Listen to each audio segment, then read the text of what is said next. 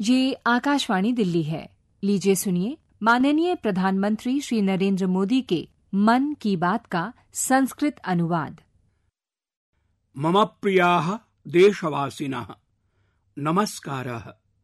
अद्य मन की बात मनोगतमिति प्रसारणे देशस्य महत् व्यक्तित्वविषये अहं संवदिष्यामि। अस्माकं सर्वेषामपि हिन्दुस्थानीयानां हृदये तां प्रति भूरिशः सम्माननम् अस्ति, तस्याम् अतितरां प्रसक्तिः वर्तते। कदाचिदेव कश्चन हिन्दुस्थानीयः नागरिकः भवेत्, यो हि तां प्रति आदरं नैव धारयेत्। तस्याः सम्माननं वा नैव कुर्यात्। आयुषी सा अस्मासु सर्वेषु ज्येष्ठा तथा च देशस्य पृथक् पृथक् घटनानां पृथक् पृथक् कालस्य च साक्षिणी अस्ति। वयं तां दीदी इति लता दीदी नाम्ना आकारयामः। सा ऐषमः सेप्टेम्बर् मासीये अष्टाविंशतितमे दिने नवतिवर्षीया भवति। विदेशयात्रायै प्रस्थानात् प्राक् अहं दीदी महाभागया साकं सम्भाषणस्य सौभाग्यं प्राप्तवान्। इदं सम्भाषणं तादृशम् एव आसीत् यथा अतितरां प्रेम्णा अनुजः भ्राता निजाग्रजया भगिन्या सम्भाषते। अहम् एवं प्रकारकस्य, वैयक्तिकस्य संवादस्य विषये न कदाचिदपि किमपि सूचयामि, परन्तु अद्य वाञ्छामि यत् भवन्तः अपि लता दीदी महाभागायाः सम्भाषणं शृण्वन्तु। शृण्वन्तु यत् केन प्रकारेण आयुषः अस्मिन् क्षणेऽपि लता दीदी देशेन सम्बद्धानां, सर्वेषामपि वृत्तानां विषयान् सम्भाषितुम् उत्सुका अस्ति तत्परा अस्ति तथा च जीवनस्य सन्तोषः अपि भारतस्य प्रगतौ वर्तते। परिवर्तमाने भारते अस्ति नूतनोच्छ्रिततां स्पृश्यमाने भारते अस्ति। लता दीदी प्रणाम मैं नरेंद्र मोदी बोल रहा हूँ। प्रणाम। मैंने फ़ोन इसलिए किया क्योंकि इस बार आपके जन्मदिन पर हाँ। मैं हवाई जहाज़ में ट्रैवलिंग कर रहा हूँ। अच्छा। तो मैंने सोचा जाने से पहले ही हाँ हाँ। आपको जन्मदिन की बहुत बहुत शुभकामनाएँ अग्रिम बधाई दे दूँ। आपका स्वास्थ्य अच्छा रहे आपका आशीर्वाद हम सभी पर बना रहे। बस यही प्रार्थना और आपको प्रणाम करने के लिए मैंने अमेरिका जाने से पहले ही आपको फ़ोन कर दिया। आपका फ़ोन आएगा ये सुन के ही मैं बहुत ये हो गई थी। अब आप जाके कब वापस आएँगे? मेरा आना होगा अट्ठाईस लेट नाइट और उनतीस मॉर्निंग और तब अच्छा, आपका जन्मदिन हो गया होगा। अच्छा अच्छा। जन्मदिन तो क्या मनाएँगे? और बस घर में ही सब लोग। दीदी तो देखिए मुझे तो आपका मतलब आशीर्वाद मिले तो अरे आपके आशीर्वाद हम मांगते हैं आप तो हमसे बड़े हैं। उम्र से बड़ा तो बहुत कुछ लोग होते हैं पर अपने काम से जो बड़ा होता है उसका आशीर्वाद मिलना बहुत बड़ी चीज़ होती है। दीदी आप उम्र में भी बड़ी हैं और काम में भी बड़ी है। और आपने तो ये जो सिद्धि पाई है ये साधना और तपस्या करके पाई है। कि अ, मैं तो सोचती हूँ कि ये मेरे माता पिता का आशीर्वाद है और सुनने वालों का आशीर्वाद है। मैं कुछ नहीं हूँ। यही आपकी नम्रता जो है ये हम नई पीढ़ी के सबके लिए एक बहुत बड़ी शिक्षा है बहुत बड़ा हमारे लिए इंस्पिरेशन है कि आपने जीवन में इतना सब कुछ क्लियर करने के बाद भी आपके माता पिता के संस्कार और उस नम्रता को हमेशा ही प्राथमिकता दी है। और मुझे तो खुशी है कि जब आप गर्व से कहती हो कि आपकी माँ गुजराती थी और मैं जब भी आपके पास आया आपने मुझे हमेशा कुछ न कुछ गुजराती खिलाया। आप क्या है आपको खुद पता नहीं है। मैं जानती हूँ कि आपके आने से भारत का चित्र बदल रहा है और वो वही मुझे बहुत खुशी होती है। बहुत अच्छा लगता है। बस दीदी आपके आशीर्वाद बने रहे।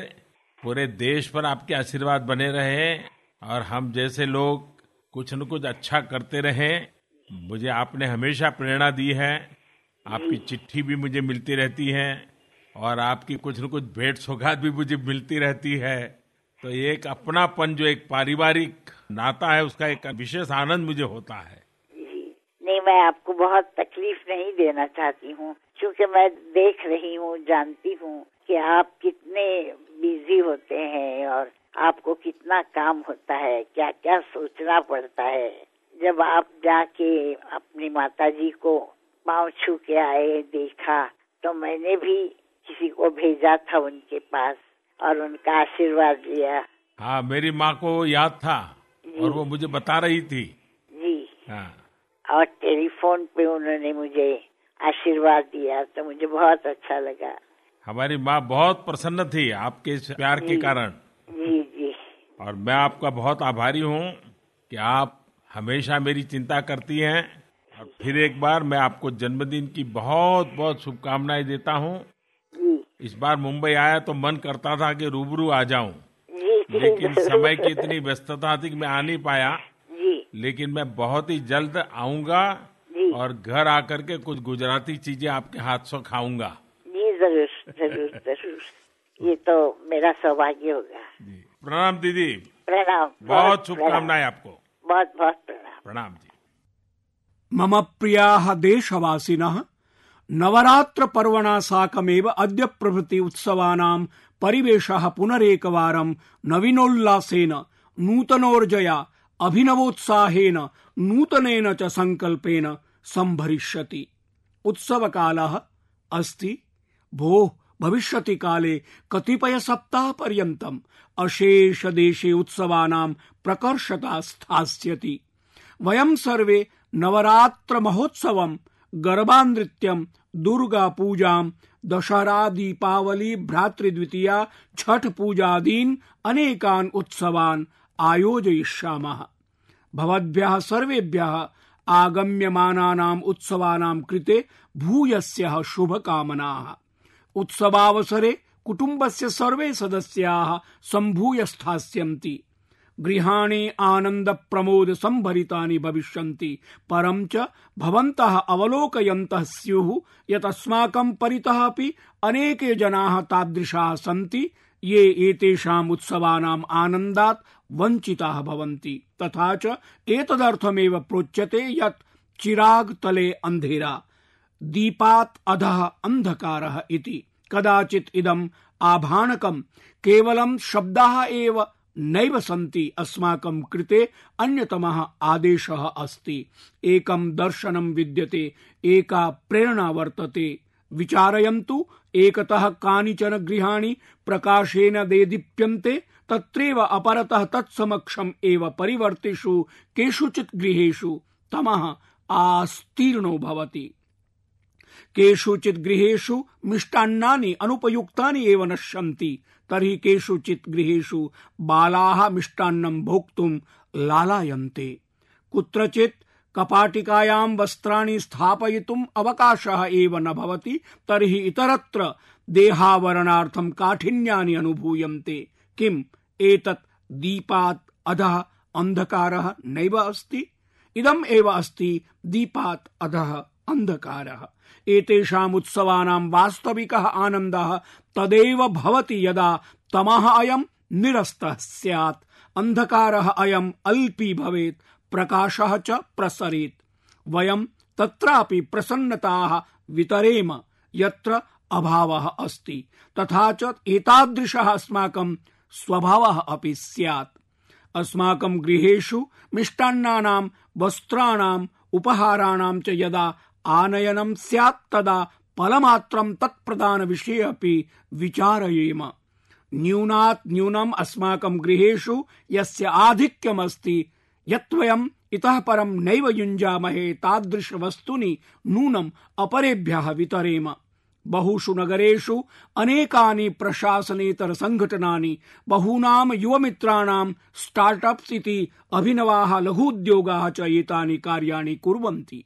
एते जनानां गृहेभ्यः वस्त्राणि, मिष्टान्नानि, खाद्यपदार्थान् च सर्वान् एकत्रीकृत्य अपेक्षावतः जनान् अन्विष्य तेभ्यः यच्छन्ति। एवमेव च गोपनीयरीत्या कार्याणि कुर्वन्ति।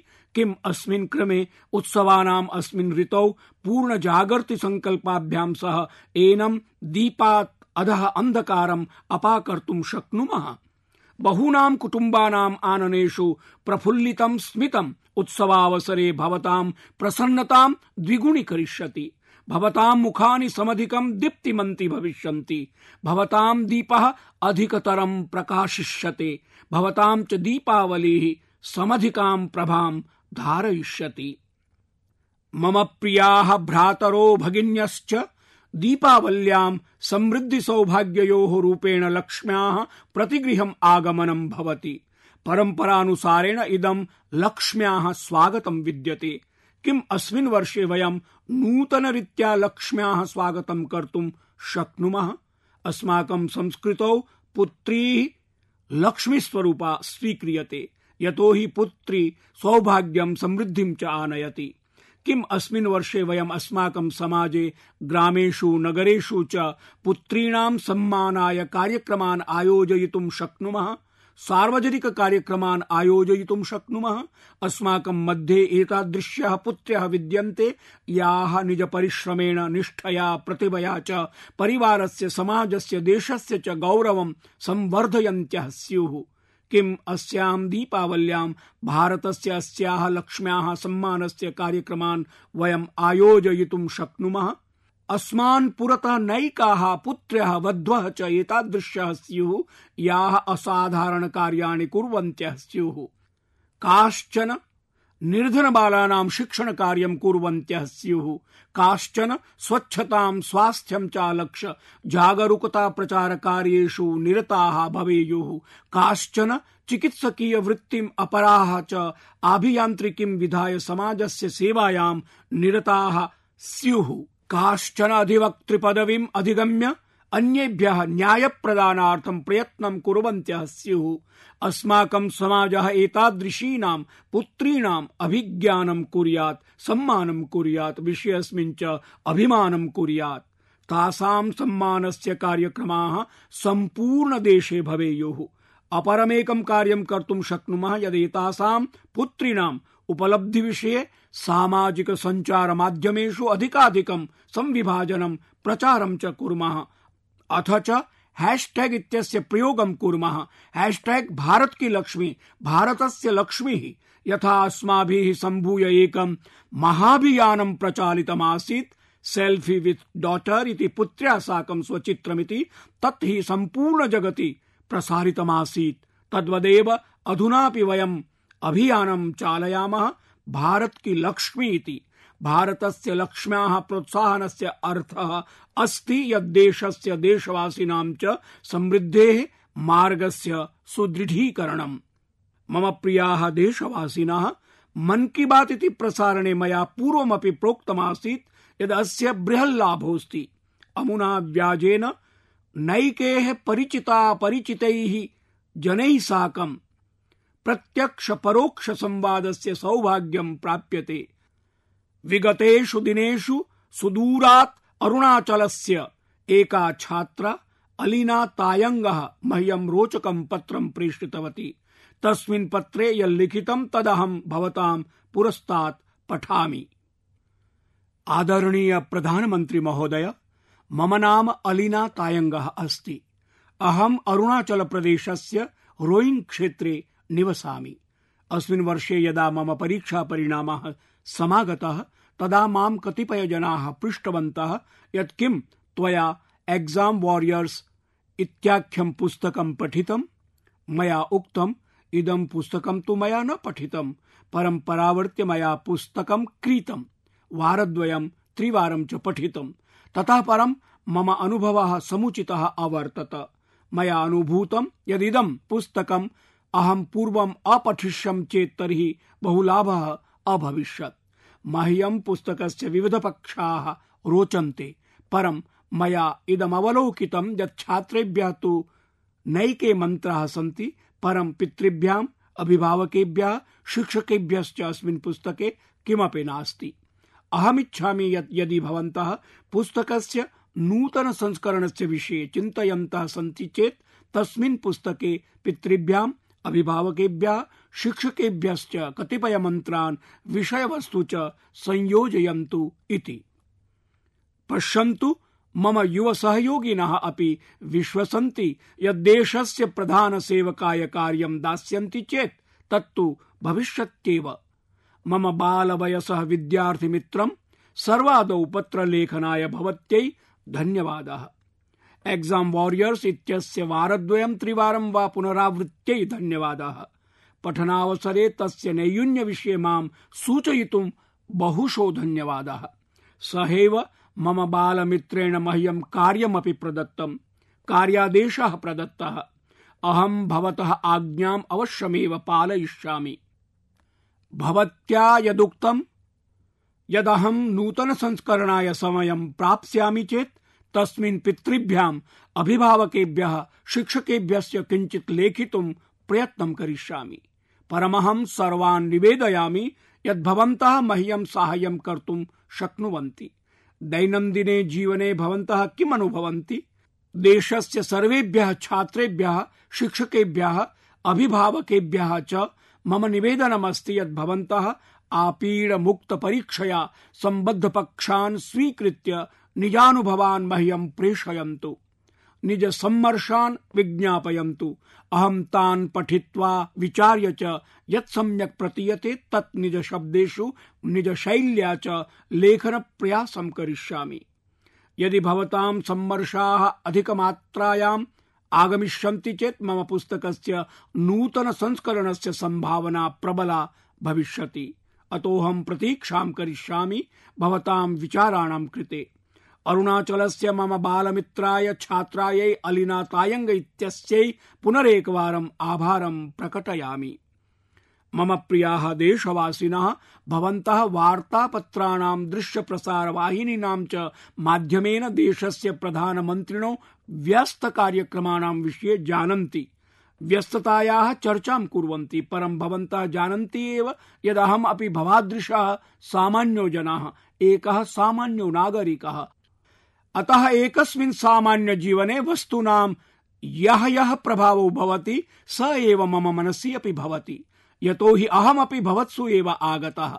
पश्यन्तु, अस्मिन् वर्षे यूएस ओपन इति स्पर्धायां विजयस्य यावत्यः चर्चाः अवर्तन्त, तावत्यः रनर अप डेनिल् मेड्वेडेव इत्यस्य वक्तव्यस्य अपि अवर्तन्त। सामाजिक सञ्चार माध्यमेषु बहु प्रवर्तिताः अतः मयापि तत् वक्तव्यं श्रुतम्। स्पर्धापि दृष्टा। वयसा त्रयोविंशति वर्षीयो डेनिल् मेड्वेडेव तस्य सरलता अथ च प्रौढता प्रभावप्रदे अवर्तताम्। अहं तु अवश्यं प्रभावितः। अस्मात् वक्तव्यात् प्रागसो नवदशवारं ग्राण्ड स्लेम इत्युपायन विजेतृणा टेनिस् स्पर्धाया शीर्ष क्रीडकात् राफेल नाडाल इत्यस्मात् निर्णायक स्पर्धायां पराजितः अवर्ततः। अस्मिन् अवसरे अपरः कश्चन अभविष्यत् चेत् औदासीन्यं नैरास्यं च गतः स्यात् परं तस्य मुखं नावासीदत्। अपि तु तेन निज वक्तव्येन समेषां मुखेषु प्रसन्नता समानीता। तदीयायाः, नम्रतायाः, सरलतायाः वास्तविक क्रीडक भावनायाः यत् रूपम् अवालोक्यत, प्रत्येकमपि जनः सुतरां प्रभावितः। तस्य वृत्तानि तत्र स्थितैः दर्शकैः सोत्साहं वर्धापितानि। डैनिलः प्रतिस्पर्धी क्रीडकं विजेतारं नाडालमपि सुबहु प्राशंसत् तेनोक्तं यत् केन प्रकारेण नाडालः लक्षशः यूनः टेनिस् क्रीडार्थं प्रेरितवान्। युगपदेव इदमपि प्रावोचत् यत् तेन सह क्रीडनं कियत् कठिनम् आसीत्। दुर्धर्ष संघर्षे पराजयानन्तरम् अपि सः स्वीय प्रतिद्वन्द्विनं नादालं प्रशंस्य वास्तविक क्रीडक भावनायाः साक्षात् साक्ष्यम् उपस्थापितवान्। यद्यपि अपरत्र विजेता नाडालः अपि डैनिलस्य क्रीडां भूरिशः प्राशंसत्, एकस्यामेव स्पर्धायां पराजितस्य उत्साहः, विजयिनः च विनम्रता एतद्वयमपि अवलोकनीयम् आसीत्। यदि भवन्तः डेनिल् मेड्वेदेवस्य अभिभाषणं नैव श्रुतवन्तः अहं भवतः सर्वान् विशेषरूपेण च यूनः वक्तुमुत्सहे यत् ते नूनं तस्य इमां दृश्याङ्कन मुद्रिकाम् अवलोकयेयुः। अस्यां प्रत्येकमपि वर्गस्य वयसः च जनानां कृते सुबहु शिक्षणीयं वर्तते। एतानि तानि क्षणानि भवन्ति, यानि जय पराजयाभ्याम् उपरि भवन्ति। अत्र जय पराजयौ नाधिकं महत्वाधायिनौ स्तः। जीवनं नूनं जयति, तथा च अस्मदीयेषु शास्त्रेषु अतितरां रोचकरीत्या तथ्यमिदं प्रतिपादितम्। अस्मदीयानां पूर्वजानां चिन्तनं नूनं प्रशंसनीयम् अस्ति। अस्मदीयेषु शास्त्रेषु प्रोक्तम्, विद्याविनयोपेतो हरति न चेतांसि कस्य मनुजस्य। मणिकाञ्चन संयोगः जनयति लोकस्य लोचनानन्दम्। अर्थात यदा कस्मिंश्चित् जने योग्यता विनम्रता च युगपदेव समाहिते भवतः तदा सः कस्य न चित्तम् हरति। वस्तुतस्तु अमुना युव क्रीडकेन अशेष जगतः जनानां चित्तानि विजितानि। मम प्रियाः देशवासिनः, विशेषतश्च मम युवमित्राणि। यदहं साम्प्रतं सम्भाषे तत् साक्षात् भवतां कल्याणाय एव अस्ति। वादाः विवादास्तु चलिष्यन्ति, पक्षाः विपक्षाश्चापि भविष्यन्ति। परं कतिपय विषयाः यदि वयं संवर्धनात् प्राक् ततः विररामः चेत् तदा बहुकल्याणं भवति। यदा समस्याः अतिविस्तारिताः भवन्ति, विकटाः वा जायन्ते, तदा तासां निराकरणम् अति कठिनम्। परं यदि वयम् आरम्भे एव जागृताः भूत्वा तासां निग्रहणं कुर्मः, तदा प्रभूतं रक्षितुं शक्यते। एतेनैव भावेन अहं चिन्तयामि यत् अद्य विशेषेण स्वीय युवजनैः साकं किञ्चित् विचार विनिमयं करिष्यामि। वयं सर्वे जानीमः यत् तमाखु इत्यस्य मदः स्वास्थ्यस्य कृते अतीव हानिकारकः। एतस्य दुरभ्यासस्य मोचनं बहु कठिनं भवति। तमाखु सेवितारः कर्करोग, मधुमेह, रक्तचाप सदृशैः रोगैः अतितरां पीडिताः भवन्ति। एतत् सर्वे कथयन्ति। तमाखो मदः तस्मिन् उपस्थितेन निकोटिन् इत्यस्य कारणेन भवति। किशोरावस्थायाम् एतस्य सेवनेन मस्तिष्कस्य विकासः अपि दुष्प्रभावितः भवति। परम् अहमद्य भवद्भिः साकं नूतनविषयम् अवलम्ब्य वक्तुमिच्छामि। भवन्तः जानन्ति यत् साम्प्रतमेव भारते ई सिगरेट् उपरि प्रतिबन्धः आरोपितः।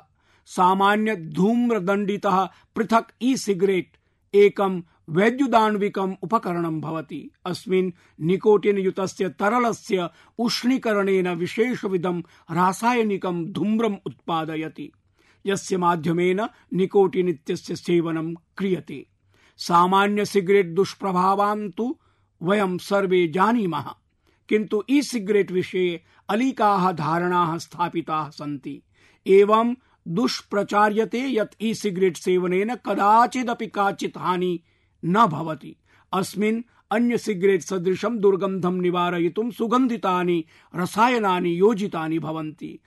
अस्माभिः स्वीय परिवेशे दृष्टमस्ति यत् पिता यदि अनवरतं धूम्रपायी अस्ति, तदापि असौ परिवारजनान् धूम्रपानात् वारयति। असौ इच्छति यत् तस्य सन्ततयः धूम्रपानस्य अभ्यस्ताः नैव भवेयुः। असौ हि प्रयासं करोति यत् परिवारस्य कोऽपि सदस्यः धूम्रपानं न कुर्यात्। एषः जानाति यत् धूम्रपानेन शरीरस्य महती हानिः भवति। सिगरेट् दुष्प्रभावविषये कोऽपि भ्रमः न अस्ति। एषः दुष्प्रभावकारकः अस्ति इति विक्रेता जानाति, धूम्रपानकर्ता जानाति, द्रष्टा चापि जानाति। परम् ई सिगरेट् विषयः पूर्णतः भिन्नः अस्ति। ई सिगरेट् विषये जनेषु एतादृशी जागर्तिः नास्ति। ते एतत् सङ्कटं प्रति पूर्णतया अनभिज्ञाः सन्ति। एतेनैव कारणेन कदाचित् कौतूहलवशात् ई सिगरेट् इति गृहे प्रविशति। यदा कदाचित्तु बालाः परस्परं कौतुकप्रदर्शन उपालम्भेन एतस्य सेवनं कुर्वन्ति, परिवारेषु पितॄणां समक्षं बालाः कथयन्ति यत् पश्यन्तु अहम् अग्निं विना अग्निशलाकानां प्रयोगं न कृत्वापि धूम्रम् उत्पादयामि इति। एवं बालाः मायाखेलं कुर्वन्ति। परिवारजनाश्चापि तं दृष्ट्वा करतलध्वनिं कुर्वन्ति। एवम् एकदा यदि कस्यचित् परिवारस्य बालाः अस्मिन् दुश्चक्रे आपतन्ति, तदा ते शनैः शनैः अस्य मदस्य अभ्यस्ताः भवन्ति। एवं अस्माकं युवजनाः अनायासेन पथभ्रष्टाः जायन्ते। वस्तुतः ई सिगरेट् इत्यत्र एतादृशीनि हानिकराणि, रसायनानि मिश्रितानि भवन्ति, येषाम् अतीव दुष्प्रभावः स्वास्थ्योपरि आपतति। भवन्तः जानन्ति, यदा कोऽपि अस्माकम् अन्तिके धूम्रपानं करोति, तदा वयं गन्धेन तस्य संज्ञानं कुर्मः। परम् ई सिगरेट् इत्यनेन साकम् एषा स्थितिः न वर्तते। अनेके किशोराः, युवजनाश्च अनभिज्ञतया स्वीयविद्यालये कार्यालयेषु वा हस्ते स्यूते वा एतद् गृहीत्वा सगर्वं भ्रमन्ति। ते हि शीघ्रमेव एतस्य व्यसनिनः जायन्ते। युवजनाः अस्माकं देशस्य सम्पदारूपाः सन्ति। अस्माभिः ई सिगरेट् धूम्रवर्तिका प्रतिबन्धीकृता। येन प्रमत्ततायाः एषः दुरभ्यासः अस्माकं युवदेशं न नाशयेत्। तेषां परिवारजनानां च आकाङ्क्षाणां खण्डनं न भवेत्। बालानां जीवनं व्यर्थं न स्यात्। एषः रोगः दुरभ्यासश्च अस्माकं समाजे जडतायाः स्थापनं न कुर्यात्। अहं भवतः साग्रहं कथयामि। यत् तमाखोः व्यसनं मुञ्चन्तु। ई सिगरेट् इत्येतत् प्रति च कमपि मिथ्याभ्रमं न पालयन्तु, आगच्छन्तु, वयं सर्वे मिलित्वा स्वस्थ भारतस्य निर्माणं कुर्याम। अपि भवन्तः फिट इण्डिया इत्येनं कार्यक्रमं स्मरन्ति। अस्माभिः ध्यातव्यं यत् प्रातः सायं होराद्वयं व्यायामशालायां गमनेन एव फिट् इण्डिया कार्यक्रमः सार्थकः न भविष्यति। फिट इण्डिया इत्यस्य कृते एतस्याः भ्रान्तधारणायाः उन्मूलनम् अनिवार्यमस्ति।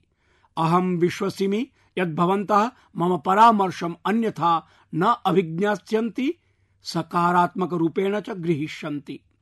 मम प्रियाः भगिन्यः भ्रातरश्च। एषः हि अस्मत्कृते सौभाग्यविषयः यदस्माकं भारतवर्षम् एतादृशानाम् असाधारणजनानां जन्म कर्म भूमिश्चाभवत् यैः आत्मनः कृतेनैव अपि तु अन्येषां कल्याणाय जीवनम् अर्पितम्।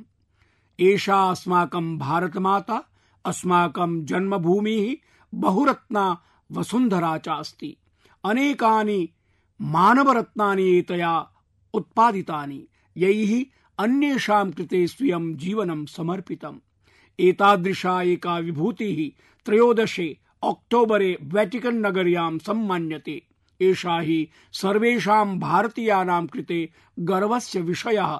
यत् आगामिनि त्रयोदशे अक्टोबरे पोप् फ्रांसिसः मैरियम् थेर्सिया महाभागा सन्त अलङ्कृता करिष्यते। सिस्टर मरियम थैर्सिया महाभागया स्वीय पञ्चाशत् वर्षाणां जीवनकाले मानवतायाः कल्याणाय यानि कार्याणि कृतानि तानि अखिल विश्वस्य कृते दृष्टान्तरूपाणि सन्ति। समाज सेवा शिक्षायाश्च कृते तस्याम् अद्भुतं समर्पणम् आसीत्। सा हि अनेकेषां विद्यालयानां छात्रावासानाम् अनाथालयानां च स्थापनं कारितवती। आजीवनं च एतस्मिन् सङ्कल्पे संलग्ना आसीत्। सिस्टर थैर्सिया महाभागया यदपि कार्यं स्वीकृतं तत् समर्पणभावेन सम्पादितम्।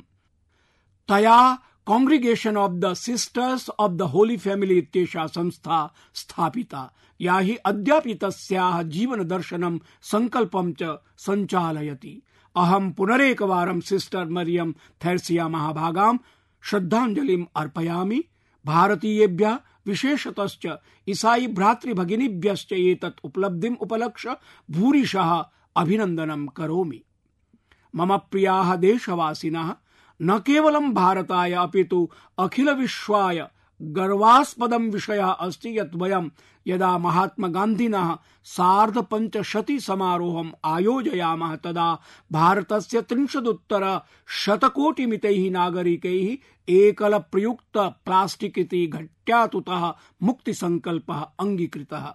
पर्यावरण संरक्षणाय भारतेन अखिल विश्वे यावती अग्रगम्या भूमिका प्रदर्शिता तामभिलक्ष्य अद्य सर्वेषामपि देशानां दृष्टिः भारतस्योपरि केन्द्रिता अस्ति। अहं पूर्णतः विश्वस्तः। यत् भवन्तः द्वितीय अक्टोबरे एकल प्रयुक्त घट्यातुतः मुक्त्यै आरप्स्यमानस्य अभियानस्य सहभागिनः भविष्यन्ति। स्थाने स्थाने जनाः विशिष्टविधासु एतस्मिन् अभियाने योगदानं कुर्वन्ति। परम् अस्माकं देशस्य एकेन युवजनेन एकम् अद्वितीयम् अभियानं सञ्चालितम् तस्योपरि यदा मम अवधानम् आकृष्टम् तदाहं दूरभाषेण सम्भाषणं विधाय एतस्य नवप्रयोगस्य बोधाय प्रयासं कृतवान्। तस्य सूचनाः अन्येषां जनानां कृतेऽपि उपयोगिन्यः भवितुम् अर्हन्ति। श्रीमान् रिपुदमन् बेल्वी एकम् अद्भुतं प्रयासं करोति। एतद् हि प्लॉगिंग इति नाम्ना ज्ञायते। यदाहं प्रथमं वारं प्लॉगिंग शब्दम् अशृण्वं तर्हि मम कृतेऽपि नूतनः एव आसीत्। विदेशेषु कदाचित् एषः शब्दः यदा कदाचित् प्रयुक्तः भवेत्, परं भारते तु एषः रिपुदमन् बिल्वि महोदयेन एव प्रचारितः। आगच्छन्तु, तेन साकं विषयस्मिन् किञ्चित् संभाषणं कुर्मः। हेलो रिपुदमन जी नमस्कार। मैं नरेंद्र मोदी बोल रहा हूँ। जी सर बहुत बहुत थैंक यू सर रिपु दमन जी हाँ जी सर आप जो ये प्लॉगिंग को लेकर के इतना बड़ा समर्पित भाव से काम कर रहे हैं जी सर तो मेरे मन में जिज्ञासा थी तो मैंने सोचा मैं खुद ही फ़ोन करके आपसे पूछूँ। ये कल्पना कहाँ से आई? आपके मन में ये शब्द और हाँ ये जी सर त- तरीका कैसे मन में आया? सर युवाओं को आज कुछ कूल चाहिए, कुछ इंटरेस्टिंग चाहिए, उनको मोटिवेट करने के लिए। तो मैं तो मोटिवेट हो गया। अगर मेरे को 130 करोड़ भारतीयों को इस मुहिम में जोड़ना है तो मुझे कुछ कूल करना था, कुछ इंटरेस्टिंग करना था। तो मैं खुद एक रनर हूँ। तो सुबह जब हम रन करते हैं तो ट्रैफ़िक कम होता है, लोग कम होते हैं तो कूड़ा और ट्रैश और प्लास्टिक सबसे ज़्यादा दिखता है। तो instead of cribbing and complaining मैंने सोचा कि इसके बारे में कुछ करते हैं और अपने रनिंग ग्रुप के साथ स्टार्ट किया दिल्ली में और फिर पूरे भारत में इसको लेकर गया। हर जगह से काफ़ी अप्रिसिएशन मिला। एग्जैक्टली आप क्या करते? हैं थोड़ा समझाइए ताकि मुझे हाँ भी ध्यान में आए और मन की बात के माध्यम से देशवासियों को भी पता चले। सर तो हमने ये स्टार्ट किया run and clean up movement जहाँ पे हम रनिंग ग्रुप्स को उनके वर्कआउट के बाद उनकी कूल डाउन एक्टिविटी में हमने बोला आप कूड़ा उठाना स्टार्ट करो अपना प्लास्टिक उठाना स्टार्ट करो। तो आप रनिंग कर रहे हो आप क्लीनिंग अप कर रहे हो सडनली बहुत सारी एक्सरसाइज ऐड हो रही है। तो आप जस्ट रनिंग नहीं कर रहे हो अब आप स्क्वाट्स कर रहे हो डीप स्क्वाट्स कर रहे हो लंजेस कर रहे हो आप फॉरवर्ड बेंच कर रहे हो तो वो एक होलिस्टिक वर्कआउट हो गया। और आपको जान के खुशी होगी कि पिछले साल काफ़ी सारी फिटनेस मैगजीन्स ने इंडिया का टॉप फिटनेस ट्रेंड इसको नॉमिनेट किया या इसको तो आपको बधाई है इस बात के लिए। धन्यवाद सर तो अभी आपने पाँच सितंबर से कोची से शुरू किया है। जी सर इस मिशन का नाम है आर एल आन run to make India litter free जैसे आपने अक्टूबर सेकेंड को एक हिस्टोरिक वर्डिक देना है। एंड आई एम श्योर कूड़ा मुक्त होगा तो प्लास्टिक मुक्त भी होगा। एंड वो एक इंडिविजुअल रिस्पॉन्सिबिलिटी आएगी और तो I am running and cleaning up thousand kilometres covering fifty cities तो सबने बताया कि शायद दुनिया की लॉन्गेस्ट क्लीन अप ड्राइव होगी। और इसके साथ साथ हम एक एक बहुत ही कूल सर सोशल मीडिया हैशटैग यूज़ किया है हमने। हैशटैग प्लास्टिक उपवास, जहाँ पे हम लोगों को बोल रहे हैं कि आप हमें बताइए तो आप कौन सी एक सिंगल चीज़ है single use anything not just single use plastic but single use anything जो आप कंप्लीटली अपनी लाइफ से हटा देंगे। हम्म, वाह। आप तो पाँच सितंबर से निकले हो तो क्या अनुभव है आप तक का आपका? अभी तक तो बहुत अच्छा अनुभव रहा है। पिछले दो साल में भी हमने 300 के आसपास ब्लॉगिंग ड्राइव्स की हैं ऑल ओवर इंडिया तो हमने जब कोची से स्टार्ट किया तो रनिंग ग्रुप्स ने ज्वाइन किया। वहाँ के लोकल जो क्लीन अप्स होते हैं, उनको मैंने अपने साथ जोड़ा। कोची के बाद मदुरई कोयम्बतौर सेलम। अभी हमने उडुपी में किया। वहाँ पे एक स्कूल इनवाइट आया। तो छोटे छोटे बच्चे सर थर्ड स्टैंडर्ड से लेकर सिक्स स्टैंडर्ड तक, उनको एक वर्कशॉप देने के लिए बुलाया था मेरे को आधे घंटे के लिए। और वो आधे घंटे का वर्कशॉप तीन घंटे का प्लॉगिंग ड्राइव हो गया सर बिकॉज़ बच्चे इतने एंथुजियास्टिक थे that they wanted to do this and they wanted to take it back और अपने पेरेंट्स को बताना अपने नेबर्स को बताना अपने पेयर्स को बताना। तो वो सबसे बड़ा मोटिवेशन होता है हमारे लिए इसको नेक्स्ट लेवल पे लेकर जाना। रिपू जी परिश्रम नहीं है एक साधना है। सचमुच में आप साधना कर रहे हैं। मेरी तरफ़ से बहुत बधाई देता हूँ। लेकिन मान लीजिए आपको तीन बातें देशवासियों को कहनी है तो ऐसी तीन बातें स्पेसिफिक क्या संदेश देंगे आप? मैं एक्चुअली तीन स्टेप्स देना चाहूँगा। To a litter free India to a कूड़ा मुक्त भारत स्टेप नंबर वन कूड़ा कूड़ेदान में डालें सिर्फ़ स्टेप नंबर टू कोई भी आपको कूड़ा दिखता है ज़मीन पे उसको उठाएँ और कूड़ेदान में डालें स्टेप नंबर थ्री अगर कूड़ादान नहीं दिखता है अपनी जेब में रखें अपनी गाड़ी में रखें घर लेकर जाएँ सेग्रीगेट करें to dry and wet waste और सुबह म्यूनिसपैलिटी की गाड़ी आएगी उनको दे दें अगर हम ये तीन स्टेप्स फॉलो करेंगे we will see a litter free India हमें कूड़ा मुक्त भारत मिलेगा देखिए रिपू जी बहुत सरल शब्दों में और सामान्य मानवी कर सके उस भाषा में आपने एक प्रकार से गांधी जी के सपने को लेकर के चल रहे हैं। साथ साथ गांधी जी की जो सरल शब्दों में बात बताने का तरीका था वो भी आपने अडॉप्ट कर लिया है। इसलिए आप बधाई के पात्र हैं। रिपु दमन जी आपसे बात कर करके मुझे बहुत अच्छा लगा और आपने एक बहुत ही इनोवेटिव तरीके से और खास करके नौजवानों को पसंद आए उस तरीके से इस पूरे कार्यक्रम को ढाला है। मैं आपको बहुत बधाई देता हूँ और साथियों इस बार पूज्य बापू की जयंती के अवसर पर खेल मंत्रालय भी फिट इंडिया प्लॉगिंग रन का आयोजन करने जा रहा है। दो अक्टूबर को दो किलोमीटर प्लॉगिंग पूरे देश भर में यह कार्यक्रम होने वाले हैं। ये कार्यक्रम कैसे करना चाहिए कार्यक्रम में क्या होता है ये रिपु दीमन जी के अनुभव से हमने सुना है। दो अक्टूबर से शुरू होने वाले इस अभियान में हम सबको ये करना है कि हम दो किलोमीटर तक जॉगिंग भी करें और रास्ते में पड़े प्लास्टिक के कचरों को भी जमा करें। इससे हम न केवल अपनी सेहत का ख्याल रखेंगे, बल्कि धरती माँ की सेहत की भी रक्षा कर सकेंगे। इस अभियान से लोगों में फिटनेस के साथ साथ स्वच्छता को लेकर भी जागरूकता बढ़ रही है। मुझे विश्वास है कि 130 करोड़ देशवासी इस दिशा में एक कदम उठाएँगे तो सिंगल यूज़ प्लास्टिक की मुक्त होने की दिशा में अपना भारत 130 करोड़ कदम आगे बढ़ जाएगा। रिपु दमन जी, फिर एक बार आपको बहुत बहुत धन्यवाद। और आपको, आपकी टीम को और ये नई कल्पकता के लिए मेरी तरफ़ से बहुत बहुत बधाई। थैंक यू मम प्रिया देशवासीन, द्वितीय अक्टोबरस्य समुपकल्पनानि तु सम्पूर्णेऽपि देशे जगति नैकत्र च प्रचलन्ति, परन्तु वयं गान्धी सार्धशतीं कर्तव्यपथि अग्रे नेतुं वाञ्छामः। स्वीयं जीवनं देशहितार्थं परिवर्तयितुम् अग्रे गमनार्थम् अभिलषामः। अपरं वृत्तमेकं प्रागेव स्मारयितुं चिन्तयामि। एवं हि आगामिनि मन की बात प्रसारणे तत् विस्तरेण नूनं कथयिष्यामि, परन्तु अद्याहम् ईषत् प्रागेव एतदर्थं कथयामि, येन भवन्तः सन्नद्धतायाः अवसरम् अवाप्नुयुः। भवन्तः स्मरन्ति यत् अक्टोबर मासीये एकत्रिंशत्तमे दिने सरदार वल्लभ भाई पटेल महोदयस्य जन्म जयन्ती वर्तते। एकं भारतं श्रेष्ठं भारतम्। इदं तु अस्मदीयं स्वप्नं तथा च एतदर्थम् एव प्रतिवर्षम् अक्टोबर मासीये एकत्रिंशत्तमे दिने वयम् अशेष देशे रन फॉर यूनिटी इति देशस्य एकतायै धावनम् आयोजयामः। आबाल वृद्धा सर्वे जनाः विद्यालयाः महाविद्यालयाः सर्वे सहस्रशो जनाः हिन्दुस्थानस्य लक्षशो ग्रामेषु एतस्मिन् दिने देशस्य एकतायै अस्माभिः धावनीयम्। अतः भवन्तः सद्यः सन्नद्धतां कुर्वन्तु, विस्तरेण तु आगामिनि काले अवश्यं कथयिष्यामि। परञ्च साम्प्रतं कालावशेषः अस्ति, केचन जनाः अभ्यासमपि आरब्धुं शक्नुवन्ति, काञ्चित् योजनामपि कर्तुं शक्नुवन्ति। मम प्रियाः देशवासिनः भवन्तः स्युः।